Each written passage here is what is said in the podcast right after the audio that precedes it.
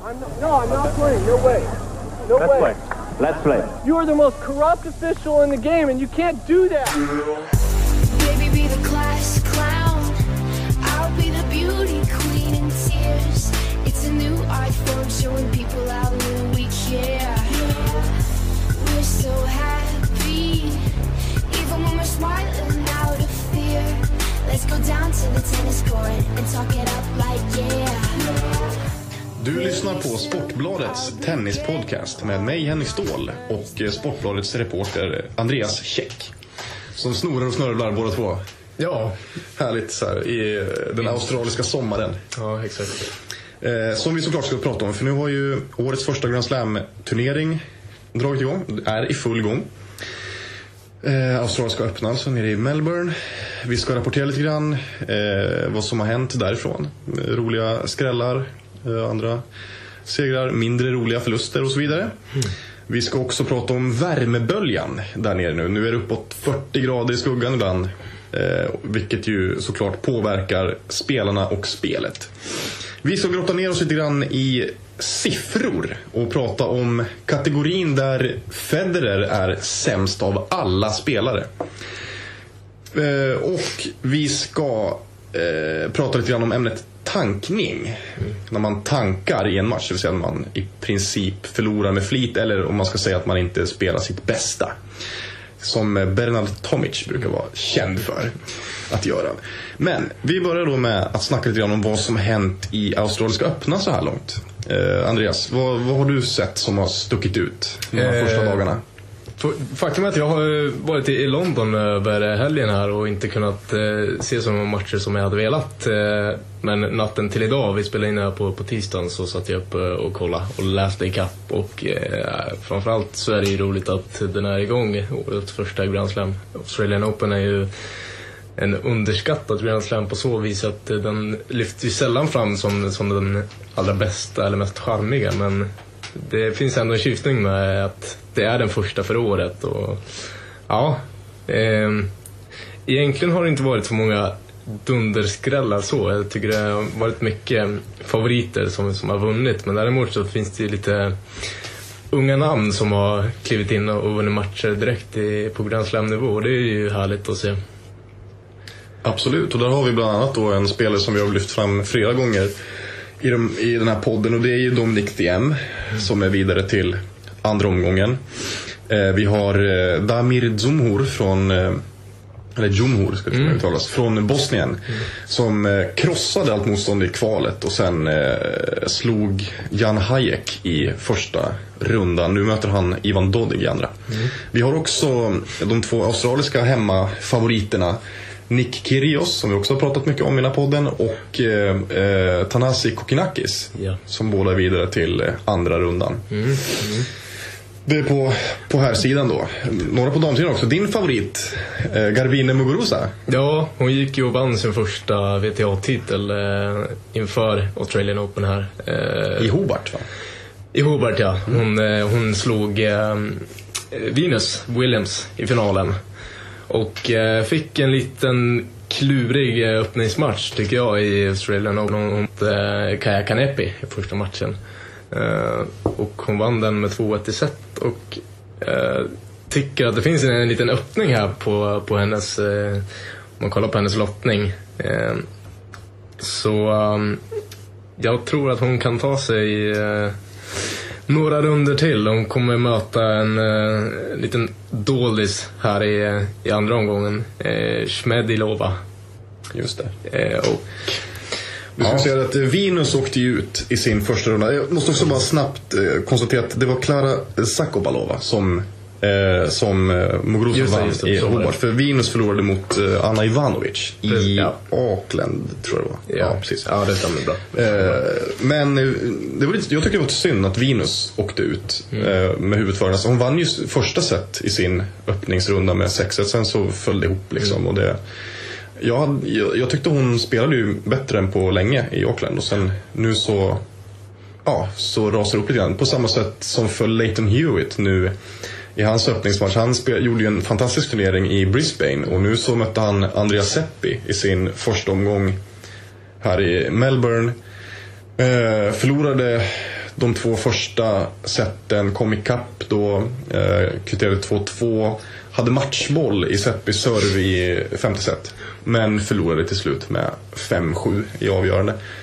Eh, nu Eh, är ju Seppi i många fall en underskattad. Jag underskattade honom enormt eh, inför den här turneringen för jag tycker inte att han har varit i speciellt bra form. Men eh, ja, Det är alltid det är en svår spelare att möta. Han är... Eh, han har egentligen inga, svagheter så, men han har inga stora styrkor heller i sitt spel. Utan eh, han, han är oftast ganska stabil kan jag tycka. Och eh, det, över fem set så är det alltid jobbigt att möta sådana spelare. Och sen är det ju på så vis är det ju trist för Hewitt att han ska vika ner sig igen i sådana här eh, sammanhang. Precis. Nu, nu var det väl kanske inte samma choke som det var mot eh, Jusjny i US Open i höstas. när han men- tappade 5-2 till 5-7 i avgörande set.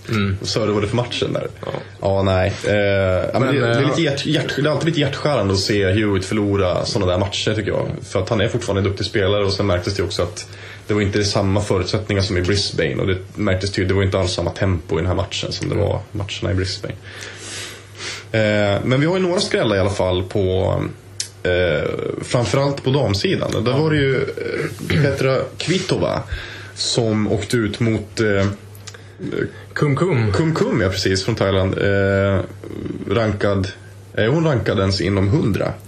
Det tror jag inte att hon är. Jag har inte Nej. rankingen framme här. Men nej, hon är ju en jättedålis. Och eh, vi har ju snuddat vid det eh, i tidigare podcaster här att eh, Petra Kvitova eh, på topp eh, är ju eh, liksom världsklass och hon kan eh, vinna Grand Slams. Det har hon gjort i Wimbledon bland annat. Och eh, hon har ju, hon har ju ett, ett väldigt, väldigt bra spel men hon har ju också en förmåga att bara vika ner sig totalt i väldigt udda perioder också. För nu tänkte man att hon, hon såg ganska bra ut i... Eh, när hon spelade inte i Hobart, hon spelade i Sydney.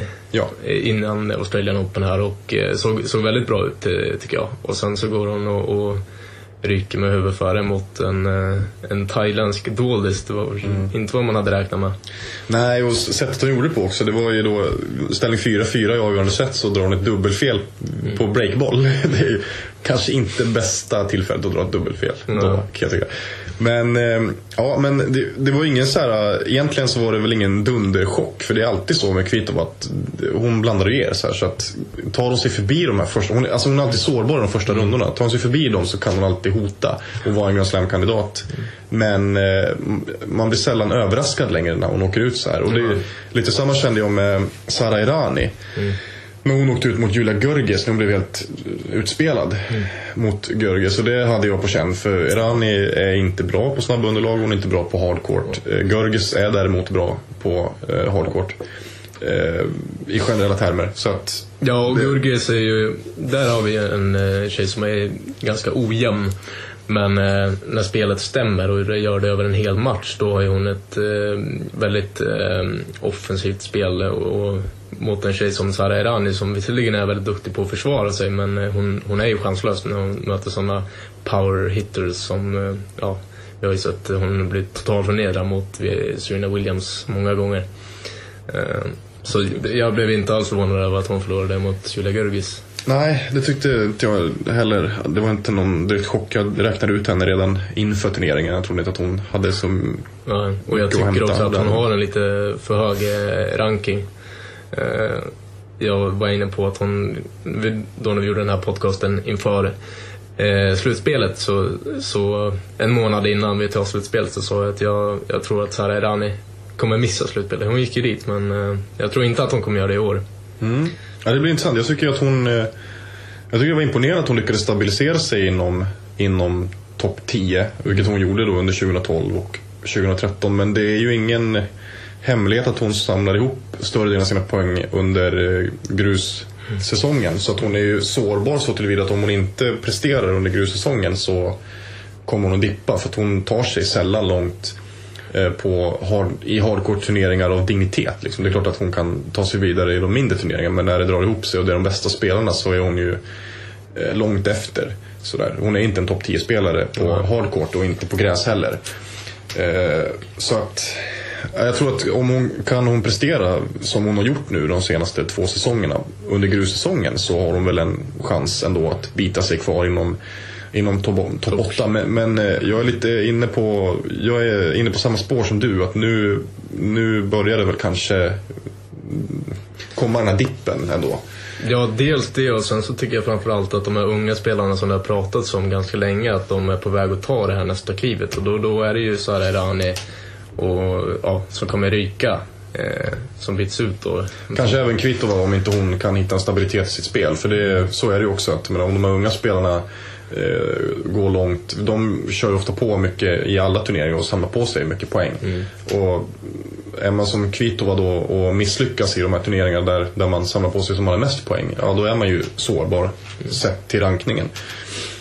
Sen har ju eh, Sara Errani också pratat om att hon tycker det är påfrestande att vara den här världsstjärnan som hon blev ganska snabbt.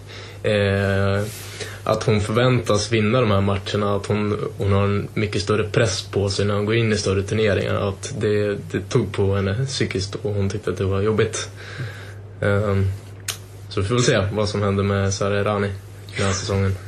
Ska vi nämna vår eh, favorit Jerzy Janovic också. Mm. Eh, som gjorde en platt match, får man säga, mot eh, 19-årige Jordan Tom- eh, Thompson. Men ändå vann till slut. Han låg under med, med 2-0 i set. Spelade jättedåligt eh, i de två seten. Han, hittade inte, han kom helt fel in i matchen. Han hade ont i foten också, kallade på, på läkare flera gånger. Eh, medan Thompson spelade jättebra Eh, efter sina förutsättningar och spelade väldigt smart. Han har ju liksom en, en vass serve faktiskt. Han är inte speciellt lång, men han har en vass serve. Framförallt så har han jättebra returer. Och det var jätteimponerande att se honom hur han liksom fick in alla de här första serverna från, från Janovic i 210 km timmen utan problem. Liksom. Allt kom tillbaka hela tiden. Väldigt stabil i, i försvarsspelet. Sen har han ju liksom inga, inga riktigt offensiva vapen. Och det märktes ju att när, när Janovic väl hittat sin matchrytm och blivit lite varm i kläderna så ja, men då, då hängde ju inte Thomson med. Liksom. Nej, samtidigt så ringer det ju varningsklockor här för det, var ju, det är ganska uppenbart att Janovic inte är i form. Om han fortfarande är lite småskadad, ja det är han förmodligen, men jag tror också att han har nog inte kunnat träna så mycket som han har velat under vintern här och eh, ja, jag tror det kommer dröja en eller ett par månader innan vi får se Janovic i bra slag igen. Och det är lite trist för eh, man hade hoppats att han skulle slå till med någonting stort redan nu i Australian Open. Men vi får nog vänta ett tag till. Ja, jag, jag håller med. Vi ska nog inte ha för stora förväntningar, för höga förväntningar på honom just nu. Eh, sett över tid ska vi ha det såklart. Ja. För att han är en fantastiskt bra spelare. Men eh, just nu så ska vi nog ta lite lugnt med förväntningarna på, på honom. För att eh, det är ju såklart imponerande att han, tar sig, att han överhuvudtaget tar sig vidare nu när han är i så här pass dålig, Det är inte konstigt att han är i dålig form heller. För att han har varit skadad. Har inte kunnat spela och så vidare. Eh, så var det värmeböljan då såklart. Den slog till eh, i natt. Eh, eftersom eh, Australien ligger ju ett antal timmar före oss i tiden. Så matcherna, eh, deras morgonmatcher spelas ju mitt i natten svensk tid. Eh, 39, upp mot 39 grader i skuggan. Det är ju härligt spelväder. Ja, lite varmare än vad vi har här nu hemma i, i Sverige. Här ju. En aning. Och där hade vi ju Radek Stepanek. Gick ju in i den berömda väggen. Ja. Och hade väl, eh, ledde inte han med 2-0 i set tror jag, om jag inte minns helt fel. Eh, innan han klappade ihop i fjärde set. Och kastade in handduken. Eh, Bernard Tomic eh, drog sig ur sin match efter ett set mot Nadal. Förlorade 4-6. Han hade problem med benet tyckte han. Och, eh, blev faktiskt eh, utbuad i början. Eh, sen mot slutet så, så ja, då Eh, tyckte väl publiken att det var schysst av honom i alla fall att spela igenom de här 10 gamen. Eh, på presskonferensen efteråt så gnällde han då över att han hade ont i benen och tyckte att ja, men det är himla tråkigt, jag älskar ju att spela här inför min hemmafans. Sen enligt eh, New York Times eh, tennisskribent Ben Rothenberg så hade han joggat förbi dem sen efter presskonferensen. Så man, ja, eh, det är Bernie i ett nötskal liksom. Ja, han, han, Han kanske inte orkade spela klart, Nej. helt enkelt. Det han lämnar ju aldrig en turnering utan, utan att sätta avtryck. Även om han ryker med huvudet före i första rundan så Så är det. är det ändå någon man snackar om. Av någon anledning. Och nu var det ju den gamla vanliga anledningen vi fick prata om Bernard Tomic. Det kan, ju, det kan ju röra sig om, vi vet inte, men det kan ju röra sig om en supertankning här från Tomic. Den ultimata tankningen. Eh, vi ska ju prata mycket mer om det här om en stund. Men eh, nu har vi i alla fall vidrört det. Han kan ha fallit offer för, för värmeböljan. Ja, ja, tveksamt. Nej men eh, jag satt och kollade lite grann på eh, eh, Dankevic. Det är så man uttalar honom va? Eh, Dancevic, Dankevic. Dancevic. Ja, jag. ja. vi säger så. Du, har ju, du är duktig på att uttala namn. Ja. Han mötte ju Benoit Per i första omgången. Precis. Förlorade i tre raka set. Eh, Jag minns inte exakt hur länge matchen höll på men eh, det var ganska jämnt i första set. Det gick till tiebreak och sånt. Men han höll ju på att eh, säcka ihop också. Stod och lutade sig mot nät eller mot något staket och höll på att svimma av för att det var så varmt. Och jag tror det är svårt för gemene man att och, verkligen greppa hur jobbigt det är att spela tennis i, i den värmeböljan. Tennis som redan är en så fysiskt krävande sport också, ska ju nämnas. Och ehm, eh, jag såg det också lite grann eh, Nishikori mötte eh, Matosevic hemmahoppet. Eh, eller ja, hemmahopp var väl att ta i, men han är ju en hemmaspelare i alla fall. Ja. Och eh, det, var, det var en match, den gick eh, till fem set och eh, man såg i slutet där att eh, bara, bara att serva är ett problem för dem. För att det är helt slut, det är mjölksyra i hjärnan och de har ingen energi kvar i kroppen och de får inte dricka vatten eh, mitt under gamen. Det, det här var ett 10 minuters långt game som gick till ljus fram och tillbaka. Eh, och eh, till slut så, så gav man upp dem Matosevic. Han, han kände att nej, det är, det, det är inte värt att och, och bränna mer energi för då kommer han, då kommer han svimma av. Jag tror det var så han Och där är det ju sådana spelare som eh, Kai Nishikori, vi har Andy Murray, Rafael Nadal. De, de, de eh, man ska säga att alla såklart missgynnas ju av sådana här typ av väder. Men de missgynnas ju minst för att de har så himla bra grundfysik. Ja. De är så oerhört eh, vältränade liksom, på uthållig, när, det, när det gäller uthållighet. Och där är Djokovic är såklart också i topp. Ja. Och de får ju också springa mycket mer när de möter de här bättre spelarna. Det är alltid de som dikterar spelet så det är inte så konstigt. Men bara för att um, försöka få folk att förstå hur, hur varmt det faktiskt är så um, sa ju Caroline Wozniacki här efter sin öppningsmatch att hon hade ställt en vattenflaska på um, på uh, mattan eller golvet och eh, den hade alltså smältit. Det är sjukt. Ja. En vattenflaska som smälter. En plastflaska helt enkelt. Liksom. Ja. Ja. då är det ganska varmt. Mm. och Azarenka sa väl att det var som att dansa runt på en stekpanna. Hon mötte Jola här i öppningsmatchen, Johanna Larsson. Just det. Eh, Johanna Larsson som faktiskt imponerade och pressade Azarenka till ett tiebreak i första set. Du såg den matchen, jag låg och sov då. Jag såg första set för hon, eh, hon servade för det två gånger, misslyckades. Eh, förlorade i tiebreak och då var jag ganska säker på att det skulle rinna iväg också i andra set. Eh, men Johanna Larsson spelar väldigt bra. Eh, det var länge sedan jag såg henne vara så säker både från forehand och backhand eh, sidan. Och sen var det ju lite grann att Azarenka var förbannad på sig själv och hamnade lite grann i, i eh, mental obalans som hon kan göra. Eh, men ska absolut inte eh, ta någon heder från Johanna Larsson. Hon gjorde, hon gjorde en bra match, eller ett bra första set då. Precis, och det är ju faktiskt vad man kan, alltså mycket mer kan man inte begära. Alltså spelare som Azarenka är, är ju så pass mycket bättre i grunden. Ja, kliva upp mot regerande mästaren i öppningsmatchen, det Ja, visst. Men eh, där kan vi ju precis som du konstaterade innan att det är så mycket, har ju inte varit så mycket skräll vad gäller toppspelarna. Nej. Eh, där har ju, ser vi på här sidan så har ju Nadal sprang igenom så han behövde ju bara spela ett set. Eh, Andy Murray spöade skiten ur Gosueda. Eh, Djokovic såg väl lite rostig ut mot Lukas Lachko igår. Eh, men vann ändå i raka set. Eh, Federer vann också i raka set. Har samma Serena Williams eh, mötte ju Ashley Barty, den där, eller Barty, Ashley Ja, Barty, hon. ja. den väldigt unga spelaren som var två år gammal bara när, när Serena Williams själv gjo- gjorde, eller debuterade i Australiska öppna 1998. Eh, Azarenka då vann ju till slut i raka set mot Larsson. Och så vidare. Så det har ju inte varit... i tre raka. Ja, men Eh, Boseda, precis. Det är så. Sa efter matchen någonstans att eh, så här bra har det aldrig känts i ryggen. Nej, han nämnde ju någonting att han tyckte att vissa slag var mycket lättare att slå. Det kändes inte, för han, men på eftersom han har dragits med de här ryggproblemen i 18 månader så har vissa slag varit svåra, knepiga för honom att slå för att han, liksom, han har känt av det. Och det har han inte gjort nu. Eh, och tyckte väl också att han, att han var i mycket bättre form än vad han hade väntat sig. Så att det kan ju, ja men det bådar ju gott. Ja, det gör det verkligen. Vi satt ju och eh, höjde några frågetecken då, för Andy Murray efter att han förlorade mot Florian Mayer här eh, i inledningen av året. Men eh, ja, vi Mm. kanske får käka upp det där. Man vill ju väldigt, väldigt gärna se honom mot Nadal. Mm, Så är det ju. Eller Del Potro. Ja, Del Potro som... Eh, Vi ska inte räkna ut Del Potro. Nej, nej, nej, det ska vi verkligen inte göra. Han tappade set här i sin öppningsmatch mot eh, Williams. Ja, precis. Det var ju lite svagt. Men eh, det är ju också typiskt Del Potro. Så han kan vara lite loj i början. Och det är nog lite bra också för honom att han... Ja. Sådär. Eh, så brukar han ju tugga igång sen. En bit in i turneringen. Så att, ja, men jag tror fortfarande på det. Del Potro har så himla bra lottning. Han möter Bautista Aguti i nästa match. Han möter antingen Jenson Lu, Grigor Dimitrov, Benoit Per eller Nick Kyrgios i tredje. Och det är liksom... Men det, han ska bara fixa det där. Ja. Så känns det. Det kan ju vara om man får möta Raonic i åttondelsfinalen som det kan bli jobbigt. Men å andra sidan, ja han har ju...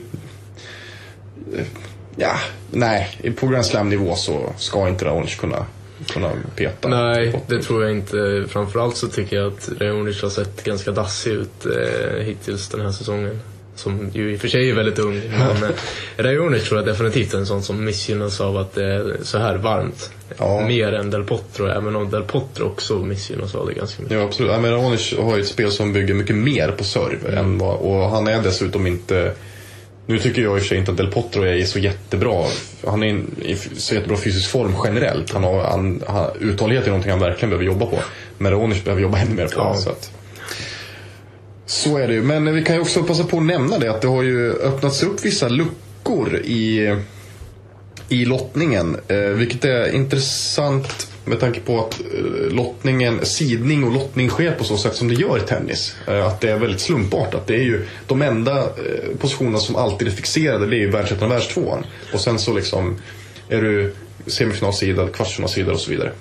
Men då råkar det alltså falla sig på det sättet att eh, Philipp Korsreiber eh, som är rankad inom eh, topp 30. Han är väl 22 nu. Ja, jag har inte rankningen framför mig, men runt 22. Han lämnade återbud i sista stund varpå fransosen Stéphane Robert kom in som lucky loser. Eh, en kvalspelare alltså. Och slog sin eh, öppningsmotståndare Alias Bedene i tre raka. Han kommer då att, att möta antingen Blas Rola, som aldrig spelat Grand Slam i hela sitt liv, eller Martin Klijan, eh, som är i superdålig form. Som tog sig vidare tack vare att Jan Isner var tvungen att avbryta sin match på grund av skada. Eh, vilket ju då i sin tur innebär att i... Eh, nej, så här ska vi säga att Stefan Robert möter i sin andra, eh, andra runda så möter han eh, Michal Pryj- Pryzjezny. Pryzjezny. Jag lyckas aldrig. Okej. Den är svår. Okej. Pryzjezny, ja. Eh, Det innebär alltså att i eh, tredje rundan så har vi Stefan Robert, Pryzjezny, Blazrola eller Martin Klijan. Mm. Och de här, det här är alltså spelare som liksom rankade runt och utanför topp 100. Martin Klijan är ju inte ens rankad topp 100. Nej. Till exempel. Inte heller Blazrola såklart för han är, han är en äkta doldis. Han är en riktig färsting. Typ ingen som hade hört talas om honom före den här Grand Slam-turneringen. Det är ju fantastiskt och väldigt roligt. Och det innebär ju också att någon av dessa fyra spelare kommer att spela åttondelsfinal i en Grand Slam-turnering. Mot Andy Murray. Mot Andy Murray. Blazrola mot Andy Murray. Ja, det är jätteroligt. Ja, men det, ja, men det är ju som sagt det är det här som är charmen också någonstans med att eh, det ser ut som det gör med, med simningssystemet. Eh, bäddar ju lite grann för sådana här eh, uppstickare, framförallt om folk drar sig ur dem på grund av skador. Vilket är vanligare så här tidigt Precis. in på säsongen. Och som det var i Wimbledon förra året, med, där det var mycket skador när, när eh, Lukas Kubot gick vidare. Visst var det Kubot mot Janovic i kvarten va? Ja, precis. Ku- Kubot och Adrian Manarino i åttondel. Och så var det väl eh, dessutom Kennedy Shepper som lyckades ta sig vidare till en åttondelsfinal. Eh, spelare man normalt sett aldrig någonsin ser så långt. Nej. In i, Nej, inte i Grand Slam. Nej. Nej, inte ens i Masters. Nej. Ja, ska vi, vad säger du? Ska vi börja grotta ner oss lite grann i siffror? Ja, det kan vi göra. Det, kan vi göra. det är ju alltid, alltid roligt tycker jag. Eh, vi kan väl börja med eh, Serena Williams och Novak Djokovic, de här två stora giganterna. Nu är ju Novak Djokovic världstvåa ska vi säga. Rafael Nadal är fortfarande klar världsetta och kommer ju fortsätta vara det även efter Australiska öppna för att han har inga poäng att försvara. Kan bara bygga på. Eh, Williams har i alla fall 23 raka segrar eh, från hösten och framåt. Eh, Djokovic har 24 raka från eh, efter, efter US Open-finalen. Mot Nadal så är han alltså obesegrad och 24 raka. Dessutom 22 raka segrar i Melbourne. 2011, 2012 och 2013. Där är han alltså obesegrad i Melbourne. Det här är ju ganska imponerande. Ja, det får man ju säga. Och eh, det är ju- råder ju inget tvivel om att eh, Djokovic är favorit till att vinna även i år. Och det är ju Serena Williams på damsidan också. Eh, Och det är ju, Williams har inte vunnit sedan 2010 så det är ju den här Grand Slammen som hon nog väldigt gärna vill ha nu. När hon har vunnit Franska öppna nyligen och hon har vunnit Wimbledon nyligen och US Open. Två i rad. Så att, Ja, och hon har ju inte varit i final heller i Australian Open sen eh, när de vann då 2010 bara. ja, precis. Eh, hon har ju haft två år i rad, både 2012 och 2013 så fick hon ju problem med sin fotled just under eh, veckorna i Melbourne här. Exakt. Och hon har ju sagt i någon intervju att hon är typ rädd för att gå upp i trappor för att hon, hon är väl, inte vet jag, eh, vidskeplig eller något sånt. Eh, Tänker att nej, det kommer hända igen. Men... Nej, men hon är, hon är såklart favorit till att vinna. Eh, Precis. Och någonting som talar emot Rafael Nadal det är ju att eh, Australiska öppna det är ju hans sta- statistiskt sämsta Grand Slam-turnering eh, i karriären. Så, så att, visserligen så, med tanke på vilken eh, ja, vilken kämpe han är så kommer han ju liksom att vilja vinna den här turneringen. Eh, liksom Ja, absolut. Absolut. Eh, Just för, och också för att eh, det var mycket snack eh, efter US Open-finalen att eh, Novak Djokovic har vunnit alla sina matcher sedan dess. Och, eh, han har, Djokovic avslutade säsongen som, som världstvåa men att många, eh, mig inräknad, fortfarande håller honom som den bästa spelaren i världen. Och eh, då är det klart att Nadal är sugen på att kliva fram och, och vinna Australian Open nu. Och, för att sätta er på plats. Liksom. Ja, exakt. exakt. Yes, och så har vi ju en lite mindre trevlig kategori i statistiken. Och det är ju eh, det här som kallas för Simpsons Paradox. Eh, det är ju egentligen en, eller Simpsons paradoxen heter det väl på, på svenska. Jag ska inte hålla på och prata engelska mitt uppe i alltihop här när det inte behövs. Men eh, det här är ju alltså en, en matematisk paradox som används i statistik överhuvudtaget. Vi ska inte grotta ner oss alldeles för mycket i, i det och tråka ut våra kära lyssnare. Men det går i princip ut på att eh, eh, om man ser till en mängd variabler så kan det se ut som att eh, vi säger att det är ett positivt resultat när man bara ser på variablerna separat. Men när man kombinerar dem så är det plötsligt negativt. Eh, så, som, så som det här ger, eh, den här paradoxen ges uttryck för i tennis det har att göra med tennisens poängsystem att göra. Och där kan man ju dels se till att det är bäst, bäst av x antal set, bäst av x antal, eller det är liksom inte bäst eh, av x antal game. Det är det på sätt och vis. Du ska vinna sex game eller sju om det går till tiebreak. Men eh, för att ge ett exempel så kan du ju vinna en, en match med 0-6, 7-6, 7-6. Och då har du alltså förlorat fler än du har vunnit. Men du har ändå vunnit matchen för du har vunnit två set. Eh, Den minsta variabeln här inom tennis det är ju eh, när det gäller poäng. Och det händer ju faktiskt lite titt som tätt att spelare eh, spelaren som har vunnit flest poäng totalt förlorar matchen. Leighton Hewitt nu senast, jag tror att han vann ja, typ tre poäng mer än eh, Andres Seppi, men förlorade matchen.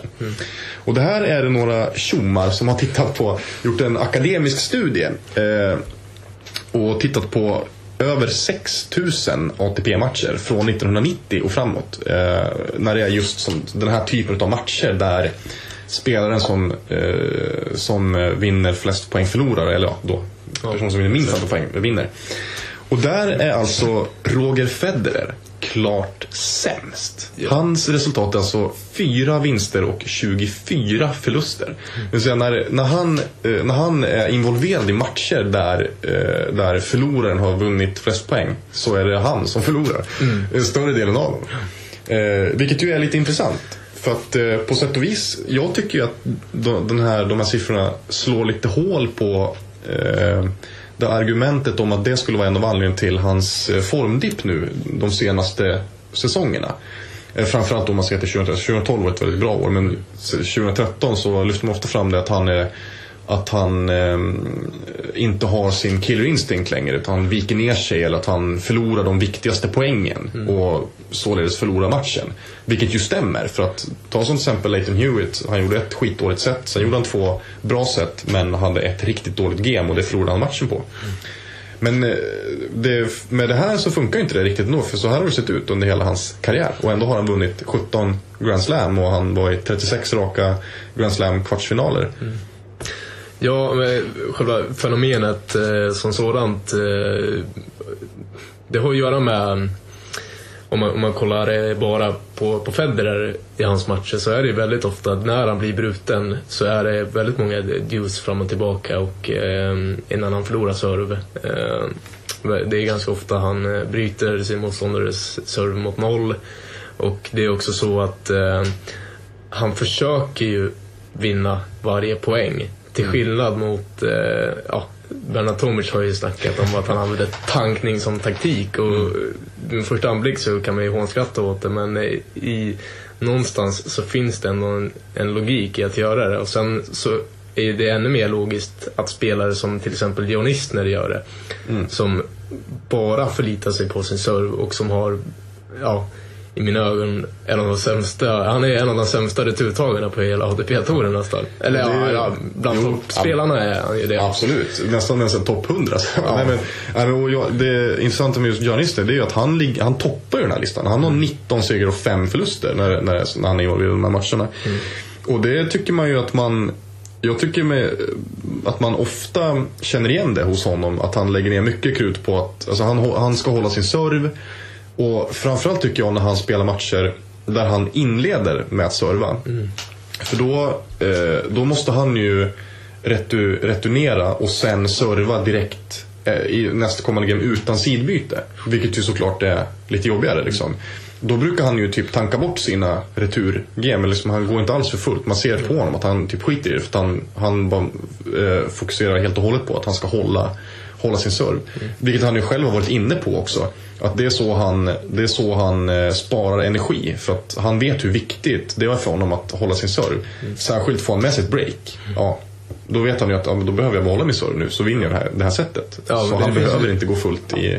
Nej, precis. Det är mycket, mycket smartare för honom att eh, spara sin energi då till att hålla sin serve istället för, att, istället för att försöka skaffa sig, sig, sig dubbel eh, break.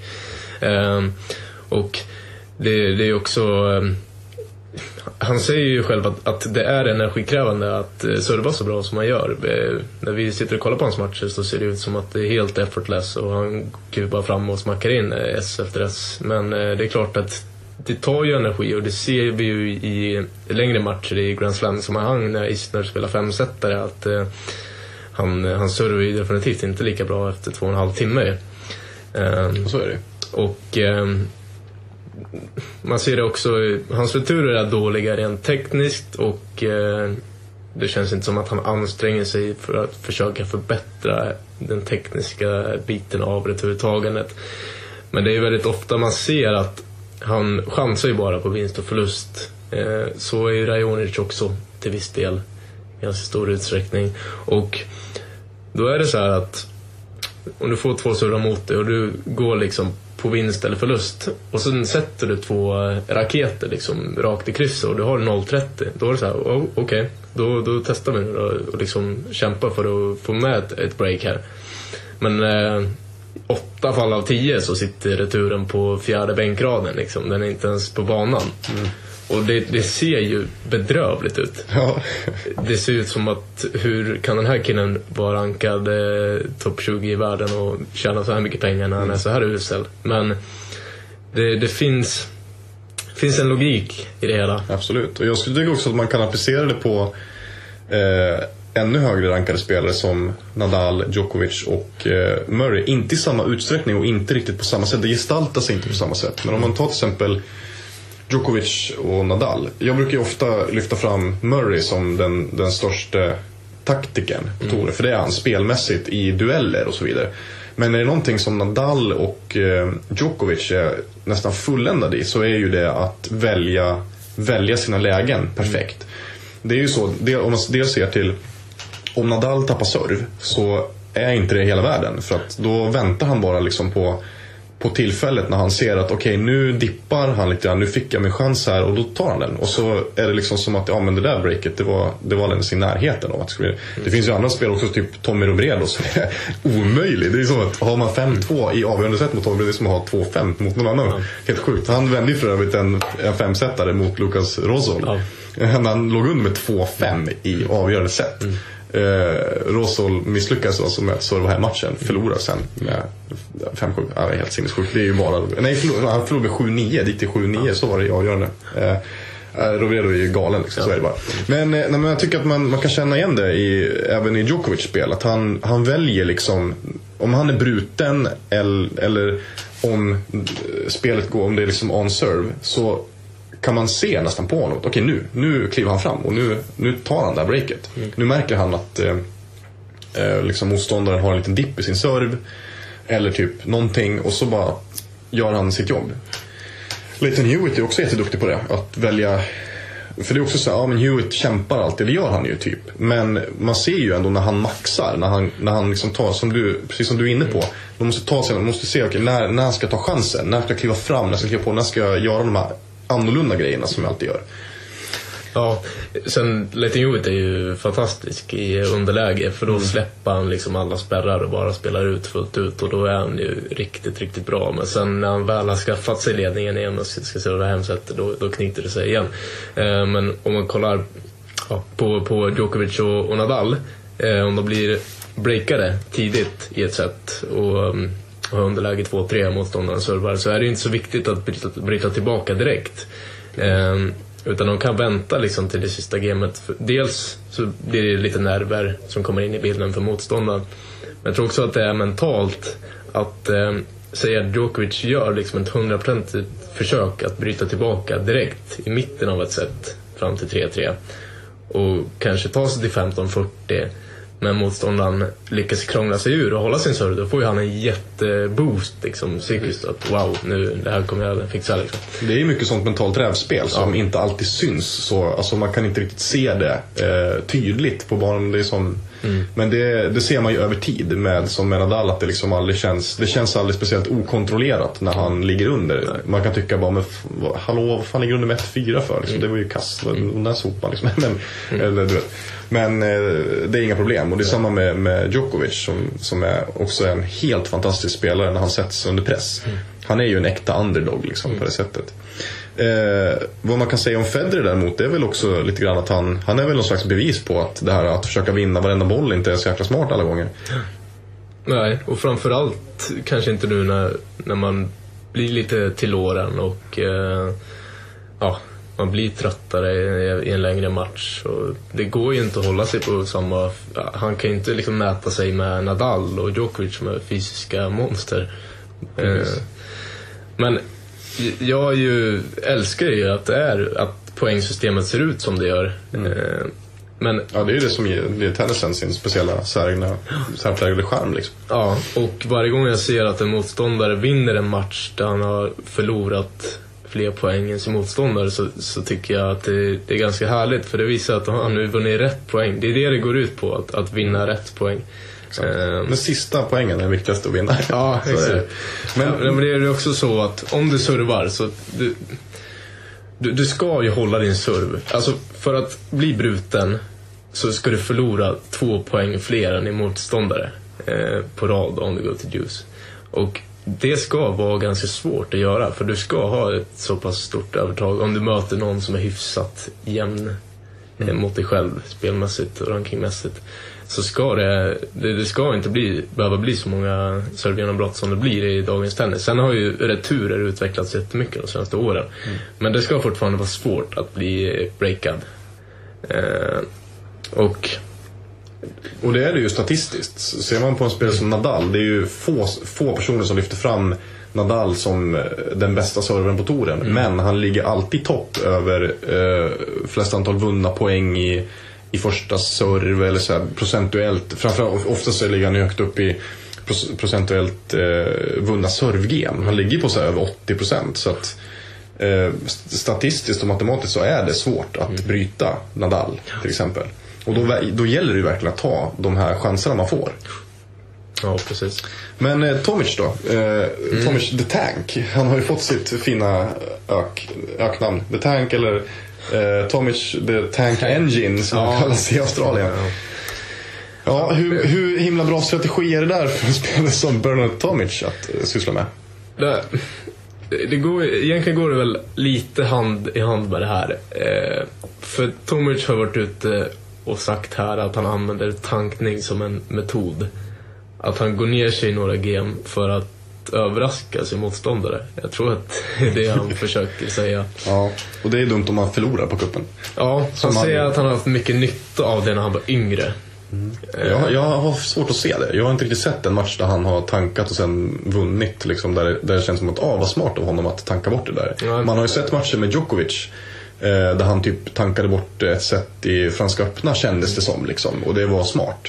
Men Tomic, jag, kan inte komma på en enda gång när han skulle ha liksom, Ja, tjänat på det.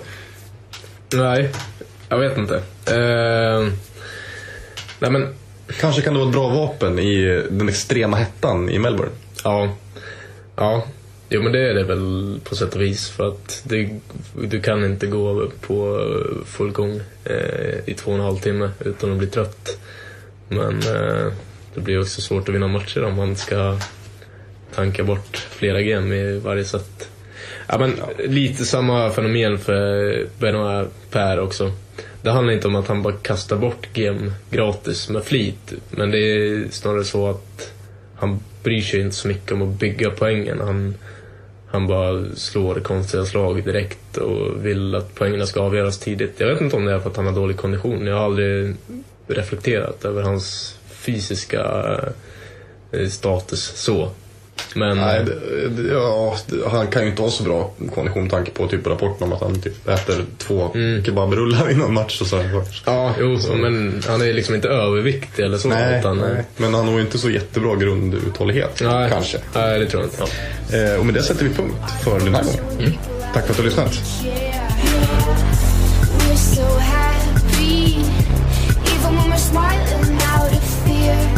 Let's go down to the tennis court and talk it up like yeah. No, this is it. I'm not, no, I'm not playing. No way. No Let's way. play. Let's play.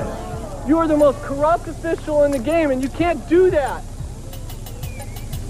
Card violation, verbal abuse, point penalty, Mr. way. That's it. Guillermo.